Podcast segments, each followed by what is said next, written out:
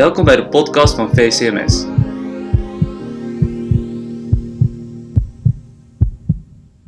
Ik ben Kanesh Galtash en ik ben de voormalig penningmeester van VCMS Utrecht. In deze aflevering van onze chirurgisch getinte podcast hebben we professor Dr. Vriends te gast, chirurg in het UMC Utrecht. Professor Vriends, hartelijk welkom. Dankjewel Kniska. Dank dat u wilt deelnemen aan onze podcast. U bent al langere tijd betrokken bij VCMS Utrecht, dus vandaar dat wij u kennen. Maar kunt u zich kort voorstellen aan onze luisteraars? Dat kan zeker. Nou, welkom in het uh, UMC Utrecht. De bakermat van uh, de geneeskundeopleiding in het midden van het land. Ik ben inderdaad Menno Vriends. Ik ben chirurg hier, mijn algemeen chirurg. want we hebben natuurlijk de thoraxchirurg, we hebben natuurlijk de neurochirurg. Maar ik ben opgeleid als algemeen chirurg en heb vervolgens me gespecialiseerd in de oncologische chirurgie. En binnen de oncologische chirurgie is de niche waar ik uh, eigenlijk de hele dag mee bezig ben, de endocrine-oncologische chirurgie. Dat betekent dat ik mensen opereer met tumoren in hun schildklier, in hun bijschildklieren, in hun alvleesklier, in hun bijnieren of neuroendocrine tumoren in hun darmen.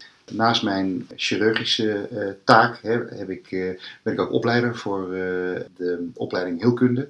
De ziekenhuizen die daaraan gerelieerd zijn aan het UMC Utrecht zijn het Diakonessenhuis, het Antonisch ziekenhuis, het Meander in Amersfoort en het Jeroen Bos ziekenhuis in Den Bosch.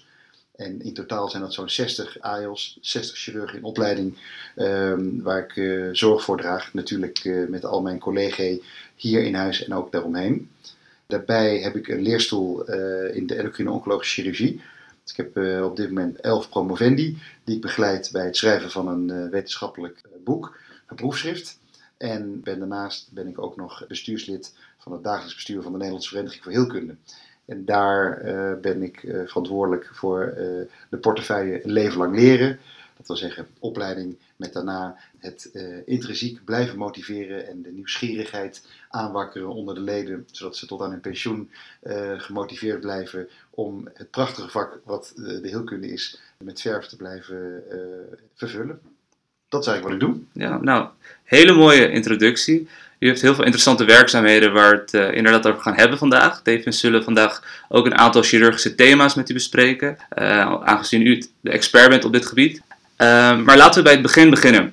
Waar heeft u gestudeerd en hoe kijkt u terug op uw geneeskundetijd? Ik heb in Leiden gestudeerd. Dat heet toen nog de RUL, Rijksuniversiteit Leiden, in 89 ja, daar kijk ik met zeer veel plezier op terug. Dat was, um, ik was net 18, dus uh, dat was natuurlijk uh, net onder de vleugels van, van het ouderlijk huis weg. was alles nieuw. Ik had wel één oudere broer die ook geneeskunde studeerde, ook in Leiden. Dus dat was enigszins een houvast, maar ik heb me vol in het studentenleven gegooid, om het zo maar te noemen. De VCMS bestond nog niet in die dagen. Ik weet ook niet of ik dan lid was geweest van de VCMS, om eerlijk te zijn. Um, ontzettend veel lol gehad, uh, ontzettend veel vriendschappen gecreëerd en opgebouwd. Waar ik vandaag de dag nog ontzettend veel uh, plezier aan beleef. Uh, heel veel vrienden uit die tijd zie en spreek ik nog. Ik vond de geneeskundestudie goed, intensief voor mijn gevoel. Omdat je zoveel al in je studententijd deed. Om dan ook alle verplichte practica, et cetera, erbij te doen.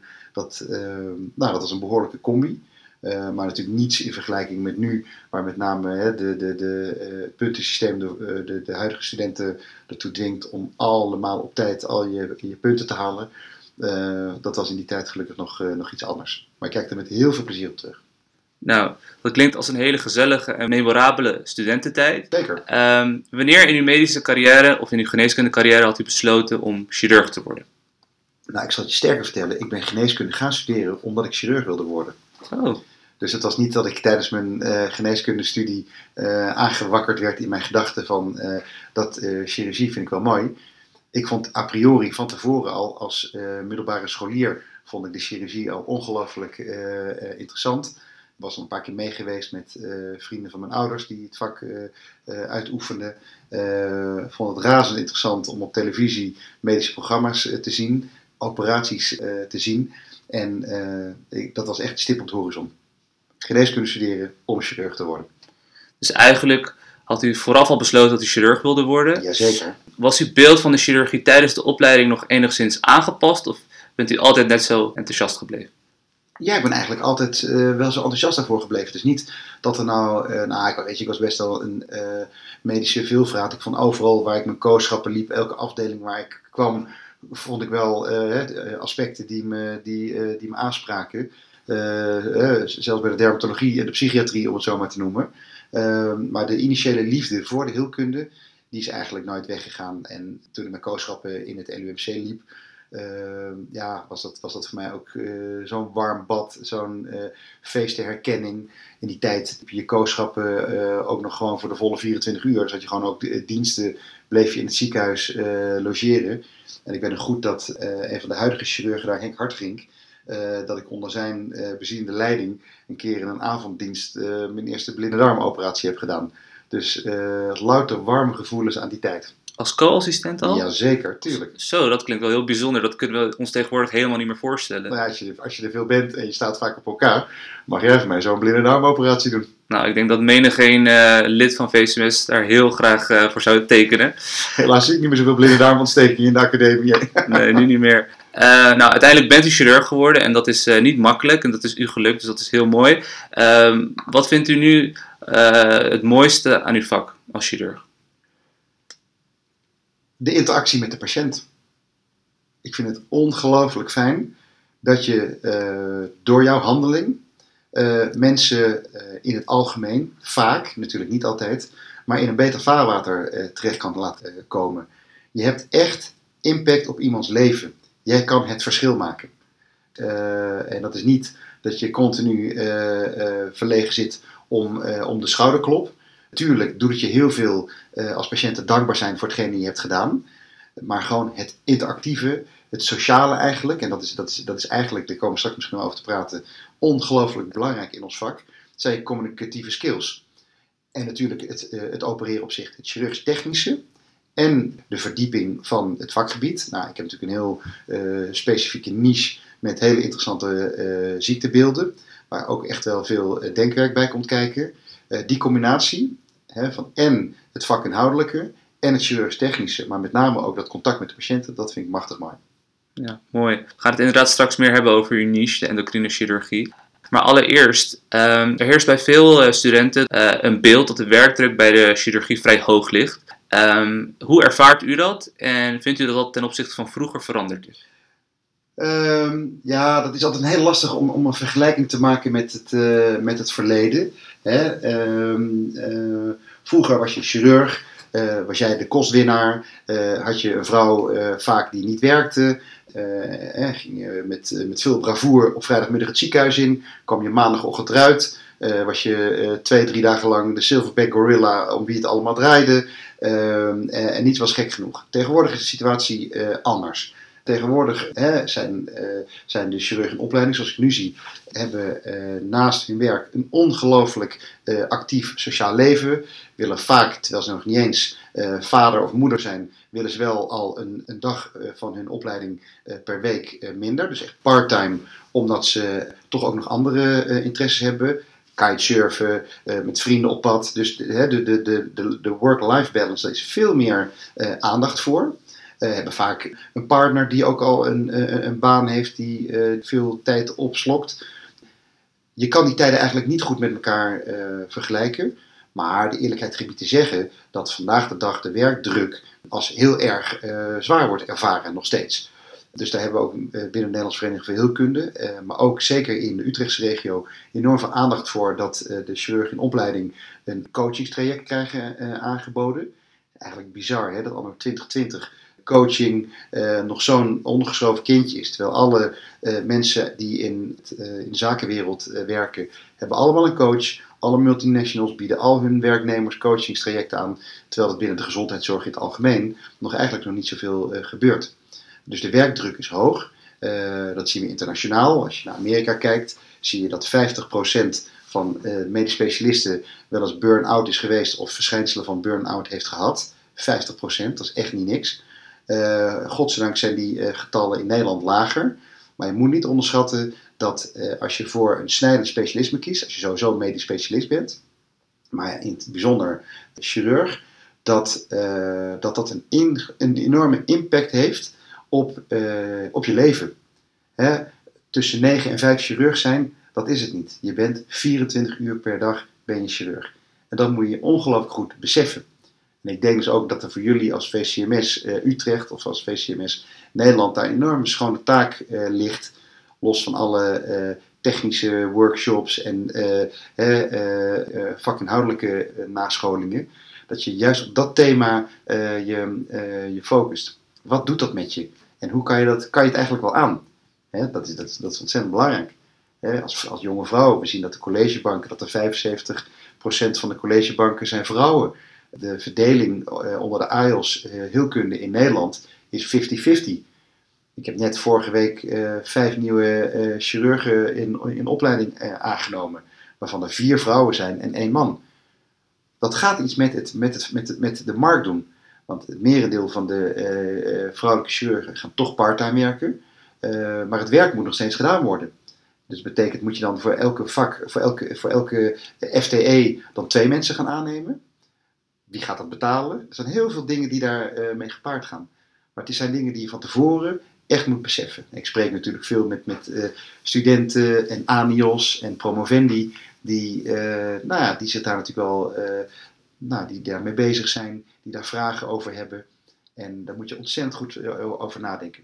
Als je laag in je energieniveau zit, en dat zijn de meeste chirurgen, chirurgie geïnteresseerden niet. Dat zijn natuurlijk allemaal mensen met een hoog energieniveau, die het lekker vinden, dat vind ik ook, om, veel ballen in de lucht te houden. Uh, dan is dat misschien um, een iets minder item.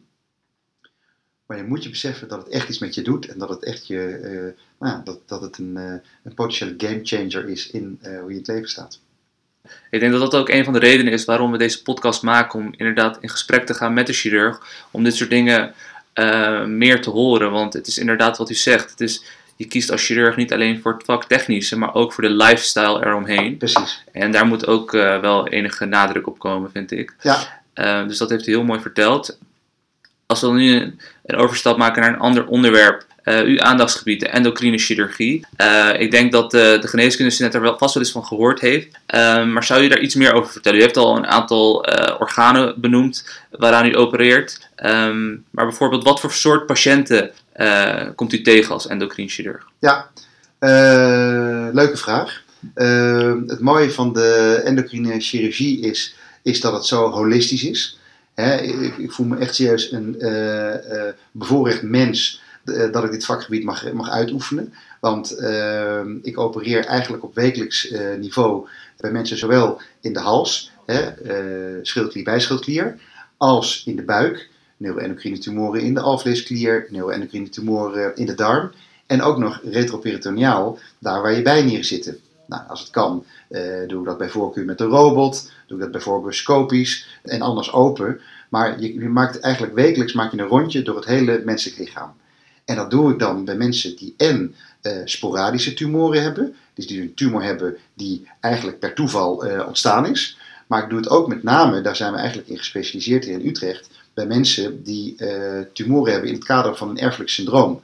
Bijvoorbeeld het MEN-syndroom of het van Hippo-Lindau-syndroom.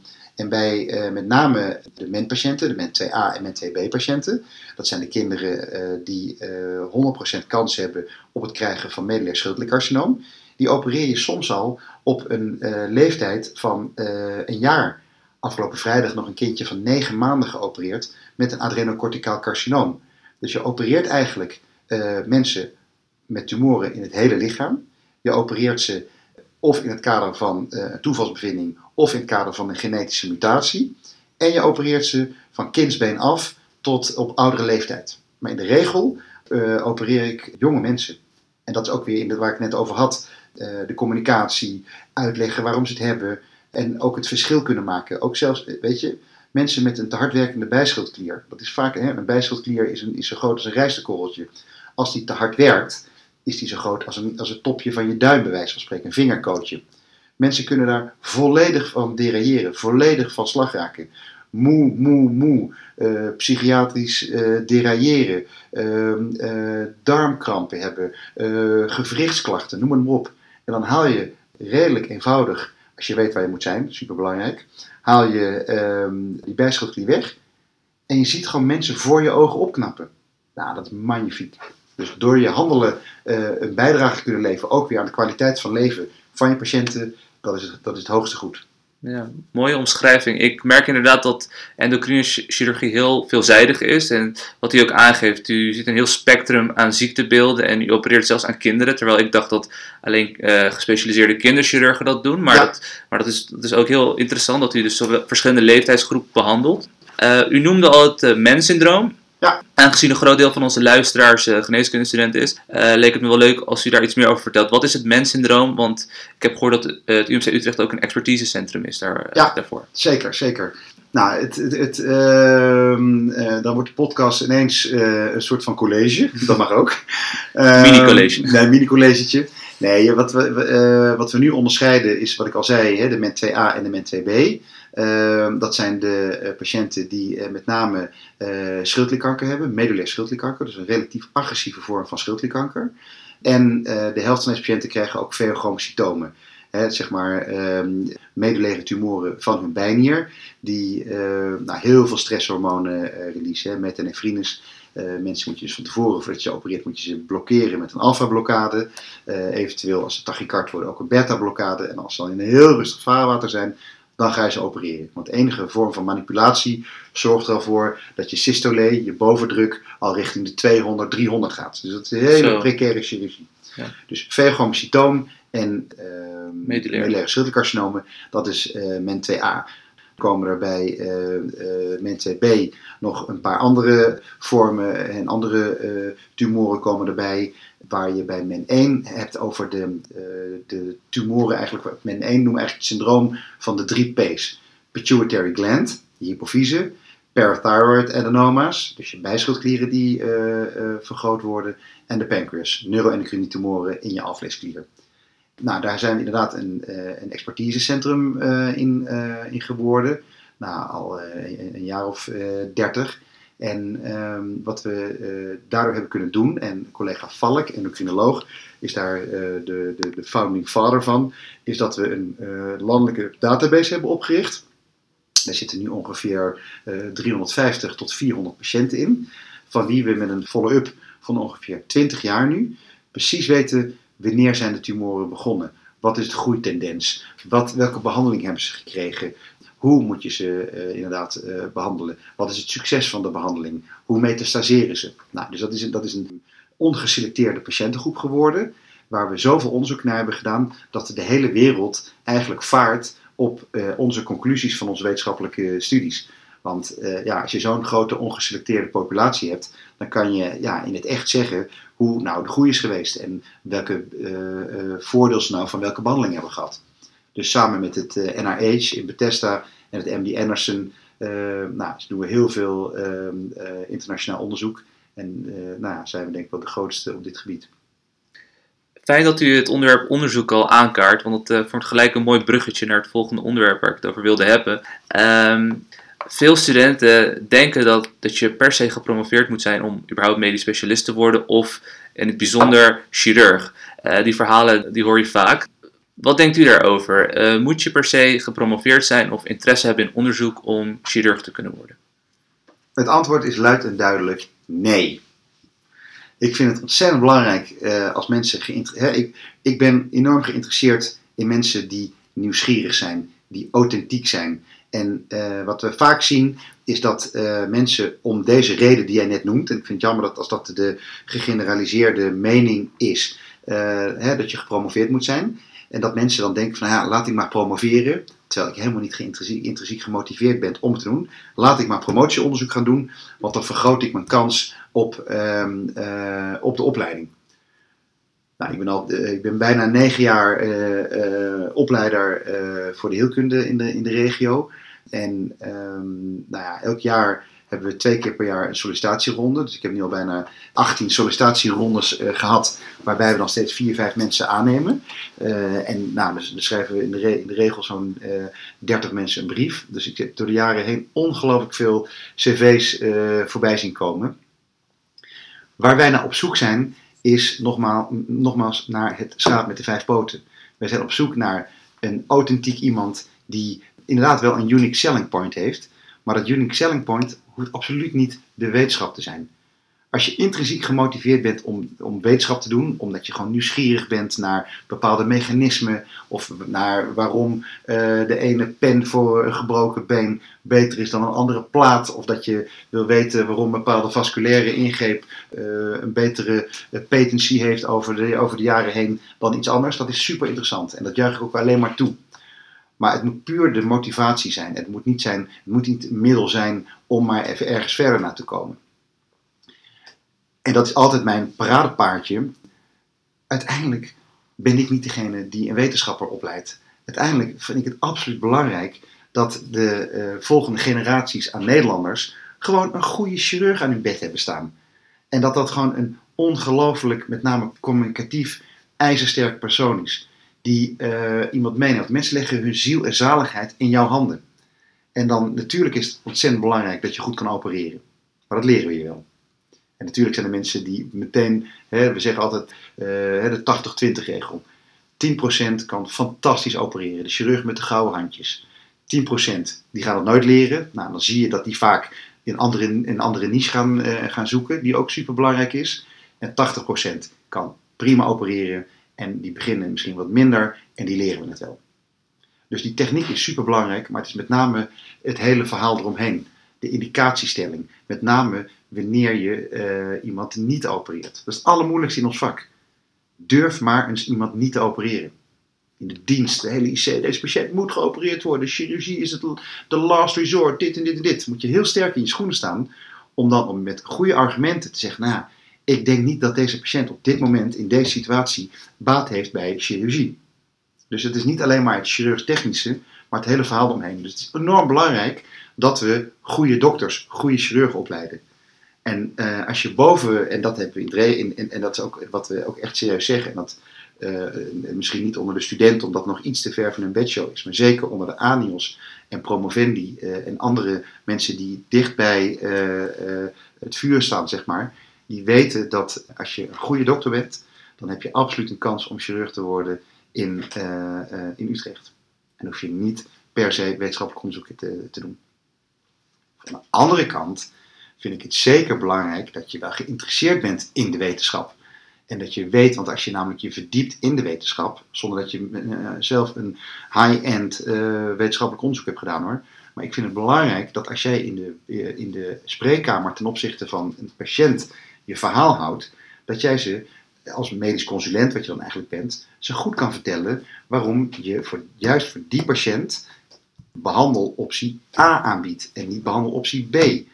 En dat je dan kan vertellen dat uit onderzoek blijkt dat optie A beter is voor haar of voor hem in vergelijking met optie B. Dus als je al in, wetenschappelijk onderzoek enigszins geïnteresseerd bent, en daarom is het ook zo belangrijk dat het een onderdeel is van het curriculum, dan kan je mensen op een uh, veel overtuigende manier vertellen wat, wat jou betreft, het beste behandelplan is. En dan in het kader van shared decision making leg je het voor, dit is wat, wat er allemaal mogelijk is. Uh, niet opereren, wel opereren, zo opereren, zus opereren. En dan moet de, uiteindelijk de patiënt zelf beslissen, dat past het beste bij me en daar kies ik voor. Zo moet het zijn. Ja. Maar de wetenschap als, als, uh, als uh, holy grail, dat, dat zou wat mij betreft niet hoeven. Ja. Ik ben blij dat we deze mythe hebben ontkracht. En wat u inderdaad aangeeft, de interpretatie van wetenschappelijk onderzoek is voor elke arts natuurlijk wel relevant. Dus Tuurlijk. enige mate van interesse, dat is, dat is uh, wel nodig. Ja. Maar dat je helemaal toespitst op een promotietraject, Nee, dat is niet helemaal Ik nodig. heb, we hebben net een, een, een, uh, een jonge vrouw aangenomen, Emma. Uh, die had al een consultancybureau uh, opgezet voordat ze uh, met haar aanhielschap begon. Tijdens de studententijd verbaasde zich erover dat er zoveel wat kleinere clubs toch een soort van consultancy nodig hadden. de grote consultancybureaus die waren te duur of waren niet geïnteresseerd in die kleinere bedrijven of partijen. En zij is dat gewoon begonnen. Fantastisch. Dat is helemaal los van wetenschappelijk onderzoek. We hebben uh, topsporters uh, gehad die op, op olympisch niveau gehockeyd of geroeid uh, hebben. en die vervolgens voor een carrière in de chirurgie kozen. Nou, die hebben niks aan wetenschappelijk onderzoek gedaan hoor. Gelukkig maar ook. Die, die sporten wel de sterren van de hemel. Super mooi. Ja. Dus hè, het gaat echt om een unique selling point. En het gaat om het karakter. Hè? Want dat, dat, dat zien we natuurlijk ook vaak. Dat mensen denken, nou ik heb promotieonderzoek gedaan, klik, Vinky. Ik heb in twee klinieken in de regio, ben ik Anios geweest, klik, Vinky. Uh, ik heb het uh, weekendje georganiseerd, klik, Vinky. Dat is, hè, dat is allemaal super belangrijk, hartstikke mooi. Maar het gaat uiteindelijk toch om de persoon daarachter. En daarom is uiteindelijk zo'n sollicitatiegesprek, het gesprek zelf, ontzettend belangrijk. We willen ook echt de mens achter uh, het cv en de papieren nog beter leren kennen. Ik denk dus dat uit uw, uit uw verhaal, denk ik dat de bottom line is dat het gaat om de persoon, de intrinsieke motivatie en dat er uiteindelijk meerdere wegen naar Rome leiden. Absoluut. En dat je niet van tevoren een vooropgezet plan nee. kunt handhaven. En vooral geen eenheidsworst. Nee, precies. Um, waar ik het verder nog over wilde hebben. U bent als hoogleraar, wilt u zich inzetten voor chirurgische innovaties. Wat voor innovaties hoopt u te realiseren in de toekomst wat betreft de chirurgie? Nou, dat is een mooie vraag. Laten we beginnen bij het begin. Ik, denk dat ik al best wel wat innovaties heb uh, geïnitieerd uh, in, uh, in de chirurgie. Ik heb twee technieken ehm, geïnitieerd op het gebied van schildklierchirurgie. we zijn begonnen hier in 2012 met het opzetten van een programma om mensen die een schildklieroperatie moeten ondergaan en die niet een potentieel ontsierend litteken in hun hals willen, om die een operatie aan te bieden waarbij niet uh, hè, een litteken in je nek zit, maar aan de voorzijde van je oksel. Dan kunnen we met een robot maken we een, hè, maken we een subcutane tunnel tot in, uh, in de hals, tot in de paraesophageale groeven. En dan plaatsen we de robot uh, daarin en dan kan je met de robot kan je een schildklieroperatie doen. Fantastisch. We zijn nog steeds de enige in Nederland die dat doen omdat je natuurlijk een bepaald volume aan uh, schildklierchirurgie moet doen en je moet de robottechnologie in huis hebben. En we hebben uh, enkele jaren geleden zijn we begonnen met een techniek die we hebben overgenomen vanuit uh, Bangkok. waarbij we iemand eigenlijk via de binnenkant van zijn mond, onder de voor, voorlip langs, over de kaak heen met CO2-insufflatie ook aan de schildklieroperatie, aan de schildklier opereren. En dat weet je, als je zelf aan de binnenkant van je lip bijt, dan is dat wondje binnen een paar dagen is het weg. En dat bij deze littekentje ook. Dat heet de TOETVA, Transoral Endoscopic uh, Thyroidectomy, de vestibular approach. Fantastische techniek. Dus die, te die technieken die hebben collega Borrel Rinkes, mijn partner in crime, met wie ik uh, uh, veel opereer, hebben die samen geïntroduceerd. En vervolgens is denk ik de, de, de, de volgende stap van de chirurgie is het verder verfijnen van de minimaal invasieve technologieën. Maar zit hem ook in, de, in, in, de indicatiestelling. En zit hem ook in voorspellingen maken over hoe mensen op basis bijvoorbeeld van circulating tumor cells en tumor DNA, dat je kan voorspellen welke patiënten een agressief beloop hebben of niet. En dat heeft vervolgens weer een consequentie of je mensen in potentie eerder wil opereren bijvoorbeeld dus dat is eigenlijk een soort van afgeleide innovatie. Niet zozeer een keiharde chirurgisch-technische innovatie. Maar daar gaat het natuurlijk uiteindelijk gaat het daar wel heen. Ja, de chirurgie is inderdaad een heel innoverend en dynamisch vakgebied. Ja. Uh, interessant om te horen welke bijdrages u onder andere heeft geleverd. Nou, we nu hebben net een, samen met, met het uh, collega professor Nicole Bouvie uit Maastricht hebben een KWF-grant uh, binnen kunnen halen. Waarbij we op basis van de elektrische neus op basis van uitgeademde um, adem, om het zo maar te noemen, kunnen analyseren met deep learning, naar aanleiding van de, de C-verbindingen, wat uiteindelijk, of, of uh, kunnen ze voorspellen, of uh, op, op, basis van die ademprofielen, je kan zeggen of iemand een kwaadaardigheid, ja dan te nee, bij zich draagt. Dus dan adem je uit, je hebt een knobbel in je schildklier, dat is niet geprikt. Dan zegt de, zegt de cytologie, zegt, nou, we weten het niet helemaal zeker. Blaas je uit en op basis van eindeloos onderzoek wat we hebben gedaan, waarbij we getoetst hebben wat de uitademingsprofielen zijn bij de uiteindelijke histologie. Dus dat moeten we dan toetsen aan elkaar. Kan je in de toekomst kan je zeggen, op basis van je uitademing, kan je zeggen of iemand wel of niet een kwaadaardigheid bij zich draagt. Dat hebben we al laten zien voor eh, darmkanker. Er worden nu uh, Barrett esophagus eh, studies naar gedaan. Dus die elektronische neus is natuurlijk ook een fantastische uh, innovatie. Niet chirurgisch, maar wel als het gaat over indicatie, en ehm, eh, voorspelling van mate van agressiviteit.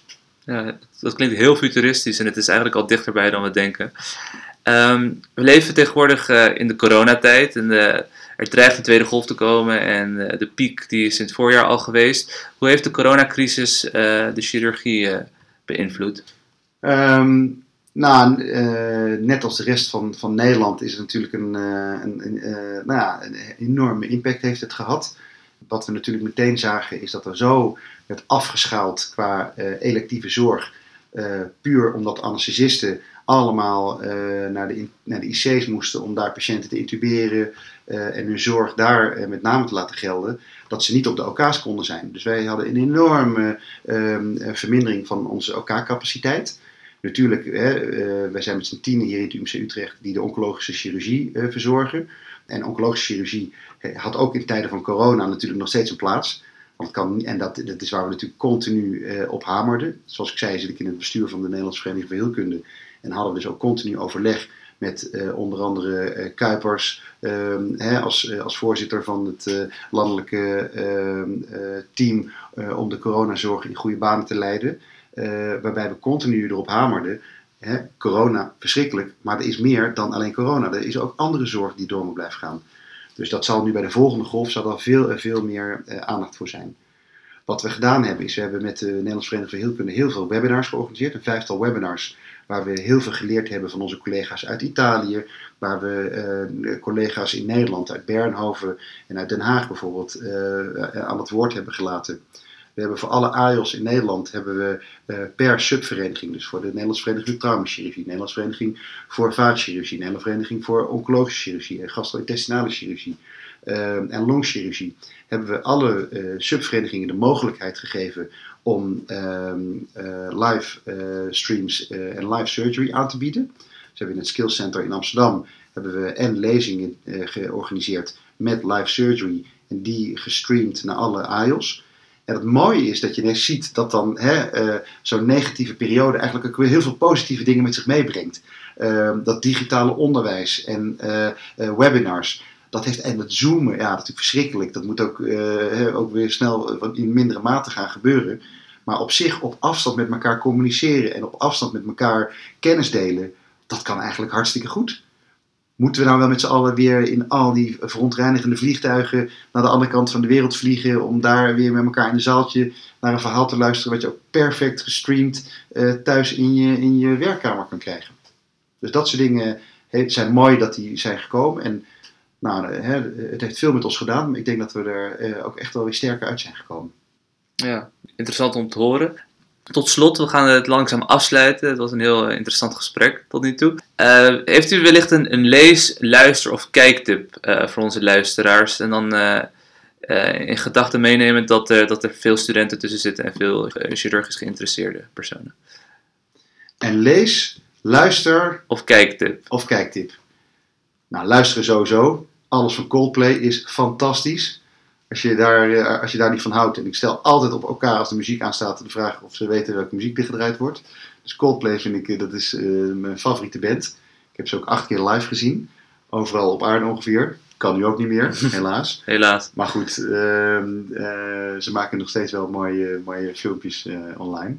Ehm, ja, ik ben een groot, echt een groot fan van, van Cote en de Bie.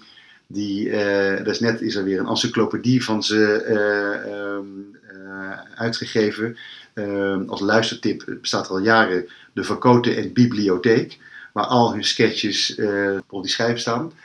Ja, dat is echt hilarisch. Dat is voor mij ook echt serieus een enorme goede manier om te ontladen omdat je, uh, ja, er zit natuurlijk iets absurdistisch in. Ze hebben sketches uit de jaren 70 die zo politiek op maat gesneden zijn uh, zoals het nu in de politiek eraan toe gaat. Ja, dat vind, ik, uh, dat vind ik echt fantastisch. En lekker van sport kijken. Ik, ben, ik, ik hou heel erg van sporten zelf. Maar ook naar sportwedstrijden kijken vind ik fantastisch. Nou, heel leuk. Ik verwacht een chirurgisch gerelateerde tip. Maar ik vind het juist leuker dat u uh, hele andere tips heeft gegeven. Want naast al dat werken is vermaak ook heel belangrijk. En uh, wellicht is dit inspiratie voor onze luisteraars. Het gaat om de work-life balance, hè? Ja, inderdaad, de work-life balance. Nou, dat is een hele mooie uh, laatste statement van u. En uh, dan wil ik u nog hartelijk bedanken namens alle luisteraars en VCMS dat u heeft deelgenomen aan deze podcast. Het was me genoegen en mooi dat jullie er waren. Dank jullie wel. Graag gedaan.